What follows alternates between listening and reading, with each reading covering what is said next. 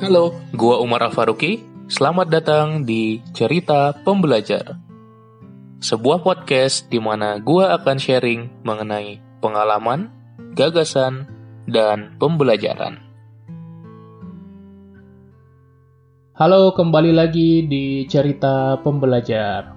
Sebuah podcast yang terus berupaya untuk sharing mengenai hal-hal yang selalu menarik gitu ya, terutama di season kedua ini kita akan selalu sharing mengenai learner life hacks. Hal-hal yang praktikal, hal-hal yang bisa langsung diimplementasikan, hal-hal yang bisa langsung diterapkan buat kamu yang dengerin podcast cerita pembelajar ini.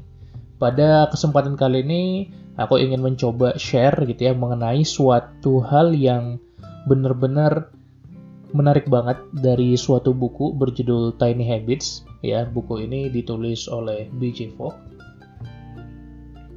Tiny Habits menceritakan tentang habit yang kecil, habit yang mudah, habit yang bisa dengan mudah kita terapkan di kehidupan kita sehari-hari.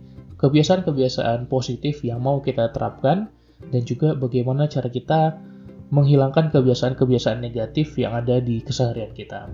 Tapi pada episode kali ini aku akan berfokus pada habit yang positif saja. Jadi bagaimana kita bisa membuat resep nantinya. Nah, menarik banget di sini bukan disebut formula atau rumus atau sistem metode teknik, tapi Fogg menyebutkan ini sebagai suatu resep. Nah, kenapa disebut suatu resep? Kita akan coba bahas. Jadi yang ingin aku coba ceritakan kali ini adalah bagaimana kita bisa memulai habit memulai kebiasaan-kebiasaan yang sudah lama kita ingin terapkan, sudah lama kita ingin implementasikan, tapi selama ini kita belum berhasil kita sudah mencoba mengupayakan kebiasaan-kebiasaan yang positif. Seperti kita mencoba kebiasaan berolahraga atau kita mencoba kebiasaan membaca buku atau kita mencoba habit meditasi journaling atau kita mencoba habit dan seterusnya banyak ya berbagai habit yang mau kita terapkan gitu ya. Dan banyak sekali habit-habit yang kita sudah coba sebenarnya gitu ya. Kita sudah coba satu hari dua hari tiga hari berhasil gitu. Tapi tidak sticks tidak bertahan lama tidak menjadi kebiasaan akhirnya gitu ya. Hanya menjadi behavior yang berhasil kita lakukan hari pertama hari kedua hari ketiga mungkin di awal-awal gitu ya. Tapi kemudian hari keempat kelima udah off lagi udah males lagi. Motivasi kita sudah tidak semangat lagi nih. Nah, gimana sih caranya kita bisa bikin habits yang sticks gitu, bisa bikin kebiasaan yang bertahan lama, bisa bikin suatu habit yang akhirnya mengubah diri kita gitu. Akhirnya menjadi suatu kebiasaan sehingga sampai pada level otomatis gitu. Jadi kita otomatis melakukan si habit tadi gitu. Jadi bukan kita usahakan lagi bukan suatu hal yang menjadi conscious decision lagi tapi sudah seakan-akan menjadi kebiasaan yang otomatis uh, ada dalam diri kita perhatikan keseharian kita, sesungguhnya kita sudah punya banyak sekali habit gitu ya, mungkin kita tidak sadari.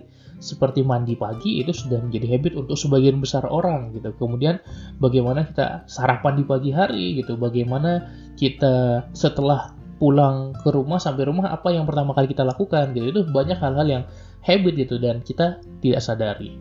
Nah, bagaimana cara kita bisa menerapkan habit-habit uh, yang baru dalam kehidupan kita itu yang akan aku coba bahas di episode kali ini. Buat yang ingin tahu bukunya judulnya Tiny, ha Tiny Habits ya ditulis oleh B.J. Fogg.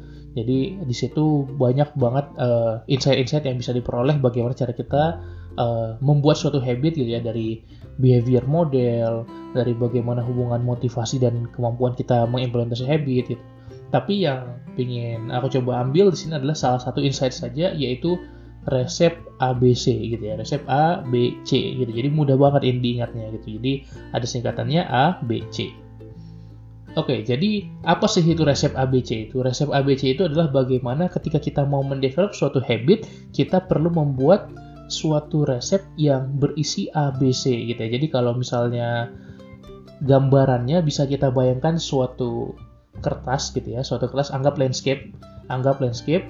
Nanti di situ kita uh, akan tuliskan ABC-nya. Apa itu?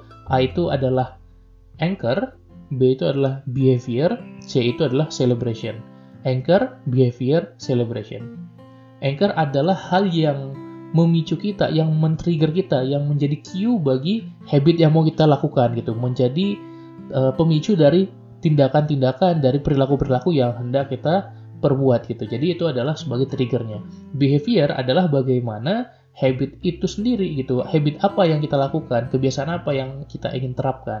Dan kemudian yang C adalah sebagai rewards-nya, apa yang kita lakukan untuk mendapatkan rewards itu, untuk menjadi selebrasinya. Aku akan coba bahas satu-satu kenapa ketiga hal ini penting dan nanti di akhir akan aku coba berikan contoh-contohnya. Yang pertama anchor atau kalau misalnya bahasa Indonesia-nya jangkar gitu ya. Kenapa sih dipilih istilah jangkar gitu. Kalau misal di berbagai buku habits yang lain uh, banyak yang menyebutnya trigger atau cue gitu ya, pemicu. Kenapa di sini jangkar? Karena di sini ketika kita memilih trigger ya trigger itu atau kalau misalnya bahasa lainnya prompt ya promptnya di sini nanti ada tiga pilihan sebenarnya bisa dari orangnya sendiri gitu ya ingin melakukan suatu habit karena misalnya gini kalau misalnya kita haus kita cenderung minum gitu ya. Itu udah habit sebenarnya gitu. Jadi itu berasal dari diri kita sendiri. Secara biologis ada hal-hal yang bisa dipenuhi. Bisa juga uh, dengan konteks lingkungan gitu ya. Jadi kalau teman-teman kita pada main game gitu ya uh, kita cenderung untuk ikutan juga misalnya seperti itu. Nah kemudian yang ketiga adalah bagaimana kita berdasarkan action gitu ya. Hal-hal yang sudah kita lakukan hal-hal yang sudah menjadi kebiasaan hal-hal yang umum kita lakukan. Nah itulah yang kita sebut nanti action prompt yang disebut dalam buku ini adalah anchor atau jangkar. Kenapa jangkar? Karena ini sudah tertambat di dalam hidup kita, sudah menjadi automaticity, sudah menjadi hal yang umumnya terus kita lakukan. Jadi itu akan menjadi si jangkarnya tadi, dan dari situ kita akan berangkat untuk membuat behavior yang baru, ya untuk membuat behavior yang baru. Nah dari si anchor ini tadi, apa yang kita tuliskan, ya yang tertuliskan adalah hal apa yang kita ingin jadikan pemicu bagi kita untuk membuat suatu habit. Misal, kita ingin setiap setelah bangun pagi, kita misalnya olahraga gitu ya, olahraga ringan gitu. Jadi, setiap bangun pagi kita stretching-stretching dulu dan seterusnya. Jadi cara kita membuat itu berarti anchornya itu adalah bangun pagi gitu ya. Anchornya itu adalah bangun pagi. Tapi poinnya adalah jangan kita tuliskan si bangun paginya itu itu benar sudah sebagai anchor karena itu selalu kita lakukan, tapi kita coba cari yang namanya trailing edge. Ujungnya apa? Bangun ini adalah suatu set of activity sebenarnya. Ya kan? Dari mungkin kita mendapatkan kesadaran, kemudian kita membuka mata, kemudian kita ngulet dulu mungkin, kemudian kita turun dari tempat tidur, hingga kita menampakkan kaki kita di lantai. Nah, artinya dari set of activity tersebut yang kita tuliskan sebagai anchor adalah bagaimana uh, akhir dari si tidur tadi gitu ya. Berarti akhirnya adalah menapakkan kaki di lantai. Maka itu yang menjadi anchor. Jadi ketika kita menapakkan kaki di lantai, baru nanti kita desain ke behaviornya. Jadi kita mencoba membuat suatu anchor yang kita lakukan bisa rutin gitu ya, yang sering kita lakukan gitu. Setidaknya seminimalnya satu kali sehari gitu supaya kita bisa terus melakukan itu sehingga menjadi suatu kebiasaan. Jadi itu menjadi anchornya. Dan tadi tipsnya adalah menggunakan trailing edge atau akhiran dari suatu kegiatan yang sering kita lakukan. Yang kedua adalah bagaimana kita mendesain behavior. Behavior di sini, khusus di buku ini disarankan bagaimana kita membuat tiny habits ya. Habits yang kecil, kebiasaan-kebiasaan yang mudah, kebiasaan-kebiasaan yang mungkin bisa dibilang mungil lah. Kalau small itu kan kecil, kalau tiny itu kayaknya mungil gitu, lebih kecil lagi gitu. Jadi lebih men, uh, kita bisa menganggapnya adalah starternya dari suatu habit gitu. Jadi ketika kita mau mengusahakan habit membaca buku 30 menit sehari itu susah gitu ya. Itu banyak, itu berat. Kenapa? Karena ketika kita merancang itu motivasi kita sedang tinggi gitu. Tapi motivasi itu pasti terkadang tinggi, terkadang rendah, naik turun gitu ya. Tidak stabil tinggi terus maka ketika motivasi rendah kita tidak bisa membaca buku lagi. Itulah alasannya kenapa kita gagal. Itulah alasannya kenapa kita berhasil di hari pertama, kedua, ketiga, tapi gagal di hari keempat, kelima, dan seterusnya. Sehingga cara kita untuk bisa mengincorporate suatu habit adalah dengan membuat habitnya itu mudah, habitnya itu sederhana, habitnya itu gampang. Jadi ketika tadi misalnya kita mau membentuk habit membaca, coba kita ganti menjadi habitnya itu adalah uh, tadi kalau saya baca 30 menit, kita ganti menjadi habitnya baca mungkin cuma satu paragraf, mungkin cuma satu baris gitu ya. Itu menjadi habit minimal. Jadi ketika satu hari kita udah berhasil membaca satu paragraf, maka kita udah centang gitu ya. Kita udah berhasil gitu ya. Kita udah e, merasa maksudnya diri kita berhasil membaca satu paragraf karena target kita memang harus kecil. Nah, ketika kita ingin membaca lebih ya boleh-boleh saja. Jadi minimal satu paragraf. Itu menjadi baseline supaya kita mudah membuat suatu habit itu sticks gitu ya. Bisa kita lakukan terus. Sehingga ketika motivasi kita rendah pun kita juga tetap bisa melakukannya.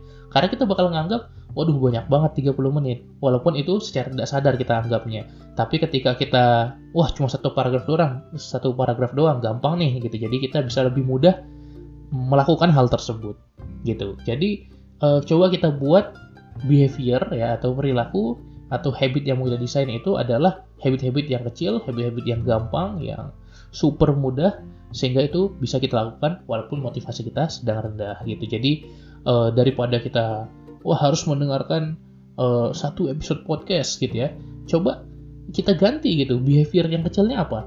Tekan tombol play di Spotify gitu. Jadi lebih mudah gitu. Jadi hal tersebut nggak harus wah dengar satu episode gitu ya. Kalau misalnya kita mau tadi mau olahraga, mungkin habitnya kita ganti aja apa? Misalnya kita pakai sepatu olahraga kita gitu ya kita pakai sepatu lari kita udah selesai. Jadi kalau misalnya kita berhasil melakukan itu udah centang gitu kita udah berhasil. Kalau misalnya kita punya motivasi untuk uh, lebih banyak untuk mau lari pagi misalnya ya itu boleh gitu tapi minimalnya hal kecil itu udah solve. Karena tujuan kita adalah uh, long term gitu ya jangka panjang. Kita ingin membuat suatu habit yang sticks yang bertahan lama. Maka tadi itu behaviornya seperti itu Kemudian yang C ya adalah celebration, bagaimana kita bisa membuat reward dalam diri kita. Karena dalam otak kita itu ada sistem rewardnya gitu. Jadi kita tergerak oleh yang namanya positive reinforcement. Tergerak oleh yang namanya hal-hal yang sifatnya uh, bukan jadi kita berubah itu bukan karena hal-hal yang kita tidak sukai tapi hal-hal yang kita hal-hal yang kita sukai gitu. Jadi hal-hal yang positif yang nge-reinforce diri kita sehingga kita lebih tergerak ketika ada yang namanya reward bukan punishment. Itulah sebabnya e, berbagai aplikasi itu didesain bagaimana kita punya rasa senang, rasa bangga, rasa berhasil gitu. Seperti misalnya sosial media gitu. Dengan mudahnya kita bisa upload foto dan kemudian kita tinggal pasang filter-filter gitu misalnya di Instagram. Atau ketika kita main game, pasti ketika kita menyelesaikan bahkan level 1 yang mudah pun muncul hal-hal yang membuat kita senang dan ingin main lagi gitu ya. Ada congratulationnya, kemudian ada uh, warna-warna dan visual yang menyenangkan kita sehingga kita merasa berhasil dan itu yang membuat kita bisa melakukan itu lagi, itu lagi, itu lagi. Sehingga ketika kita melakukan suatu habit atau behavior, maka kita akan cenderung melakukannya lagi ketika kita merasa sense of accomplishment di sana, sense of success di sana. Nah, selebrasi ini penting karena dia menghasilkan rasa itu gitu. Di sini yang berperan nanti adalah bagaimana di neurotransmitter dalam otak kita itu uh, menghantarkan hormon dopamin namanya. Jadi kita merasa wah senang ini bisa kita ulang lagi, kita ulang lagi, kita ulang lagi. Nah di sini accomplishment kita selebrasinya nggak perlu yang susah-susah gitu ya. Bisa hal-hal yang sederhana aja kayak misalnya tersenyum gitu atau misalnya yes gitu atau misalnya kita uh, melakukan suatu gaya yang membuat kita senang gitu. Misalnya kita uh, mengangkat tangan kita ke atas gitu ya ketika seperti kita berhasil melakukan sesuatu. Jadi selebrasinya itu bisa bebas. Maka ketiga komponen tadi itu harus kita sertakan dalam si resep habit kita gitu. Jadi kita coba uh, desain satu habit kecil dulu ya. Nanti kita bisa desain banyak sebenarnya, tapi satu persatu kita desain. Coba kita bikin A, B, dan C-nya. Bagaimana sih resepnya itu bentuknya?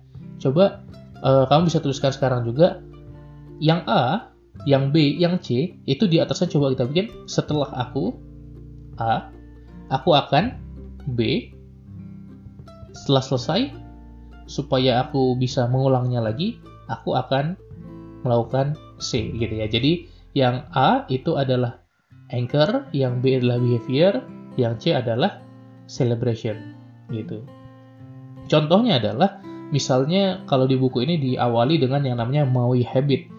Jadi itu adalah suatu habit untuk membuat kita semangat di pagi hari. Rumusnya, ya, resepnya itu adalah ketika kita bangun, kita ingin merasa senang kan? Tapi tidak itu yang dituliskan. Kita tuliskan adalah kalau anchornya tadi ujungnya. Ketika kita meletakkan kaki di lantai di pagi hari, setelah aku ya, jadi setelah aku meletakkan kaki di lantai di pagi hari, aku akan mengucapkan hari ini akan menjadi hari yang luar biasa gitu. It's going to be a great day. Gitu. Dan setelah itu selebrasinya adalah senyum misalnya gitu. Jadi kita senang, kita senyum gitu ya, kita yes gitu. Ada hal yang membuat kita senang karena kita sudah berhasil melakukan satu habit kecil. Nah, jangan menyepelekan habit yang kecil karena dampaknya ini akan terasa ketika kita nanti melakukannya long term gitu. Nanti kita bisa meningkatkannya nanti gitu. Tapi yang penting adalah bagian membuat suatu hal itu jadi habit dulu. Jadi yang penting itu adalah kerutinannya, frekuensinya, konsistensinya, bukan ukurannya. Gitu ya. Yang penting adalah setiap harinya, setiap saatnya. Bukan kalau baca buku berapa halamannya atau kalau misalnya olahraga berapa menitnya, bukan itu gitu. Makanya kita coba bikin starter habit. Gitu. Jadi itu tadi contoh yang pertama, kemudian misalnya kita ingin lebih banyak dapat insight-insight membaca buku, contoh ya. Maka kita bisa bikin habitnya seperti ini.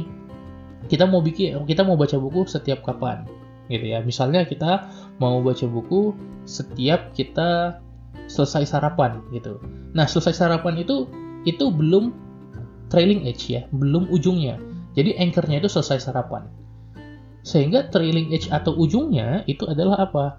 Misalnya meletakkan piring ke wastafel gitu. Jadi setelah meletakkan piring ke wastafel, aku akan membuka buku. Nah, gitu ya. Jadi si actionnya adalah membuka buku, bukan baca buku 30 menit. Si actionnya adalah membuka suatu buku tadi gitu. Sehingga itu menjadi hal yang tidak ribet gitu. Hal yang sederhana untuk dilakukan. Sementara anchornya adalah meletakkan piring di wastafel.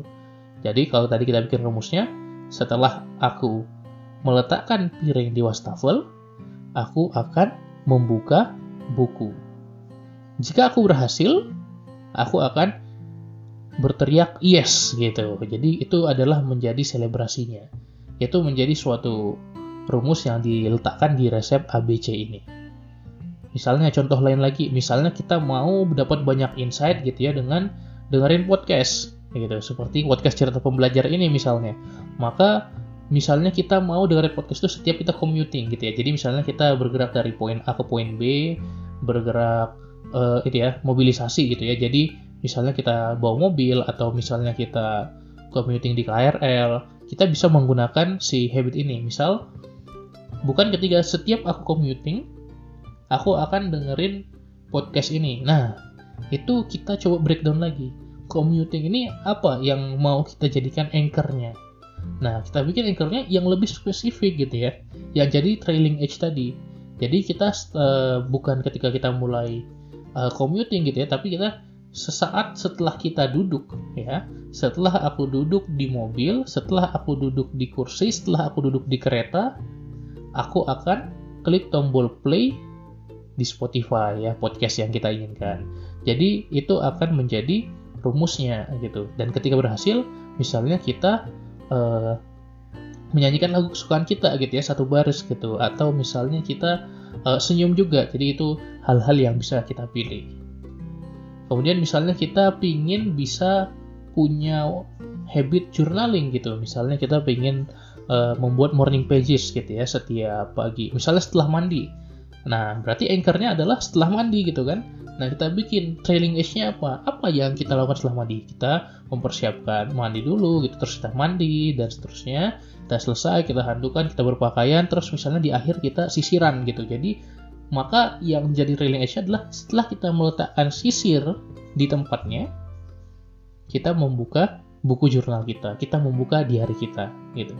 Nggak apa-apa, nggak usah kita jurnalingnya dulu, tapi membuka diary-nya. Jadi hal-hal yang menjadi kecil ketika tadi yang besarnya adalah wah menuliskan dua halaman diary kita, menuliskan uh, segala hal yang kita alami kemarin, kita ganti menjadi membuka diary saja gitu. Dan ketika misalnya kita berhasil selebrasinya apa? Misalnya setelah kita selesai menulis tuh diary kita kita bikin smiley besar gitu ya emoticon senang gitu. Jadi itu bisa menjadi selebrasinya yang menandakan wah kita berhasil melakukan ini. Itu bisa kita lakukan. Kemudian yang terakhir uh, contoh yang terakhir yang ingin gue kasih misalnya ketika kita ingin uh, memiliki habit gratitude, habit mensyukuri apa yang kita alami dalam satu hari ini. Jadi misalnya kita sudah menjalani hari, kita mau bikin habit di mana kita ada practice of gratitude, mensyukuri di akhir hari. Nah, kita bisa juga bikin. Jadi misalnya kita ingin membuat tuh sebelum tidur kita mencoba mensyukuri apa yang kita bisa rasakan hari ini. Nah, apa yang menjadi anchornya? Yang jadi anchornya setelah aku meletakkan kepala di atas bantal, behaviornya aku akan mensyukuri satu hal hari ini. Nah, jadi hal yang mudah gitu, hal yang menjadi behavior yang tidak sulit, ya, bukan yang besar, tapi behavior-behavior yang tiny, behavior yang kecil, behavior yang gampang, behavior yang simple untuk dilakukan, yang sederhana, yang bisa langsung dilakukan. Dan juga jangan lupa selebrasinya misalnya apa? Misalnya kita narik nafas tiga kali gitu ya, misalnya kita uh, senyum, misalnya kita bersyukur alhamdulillah gitu ya udah berhasil melakukan habit ini. Jadi selebrasinya itu juga bisa ditentukan, bisa dipilih.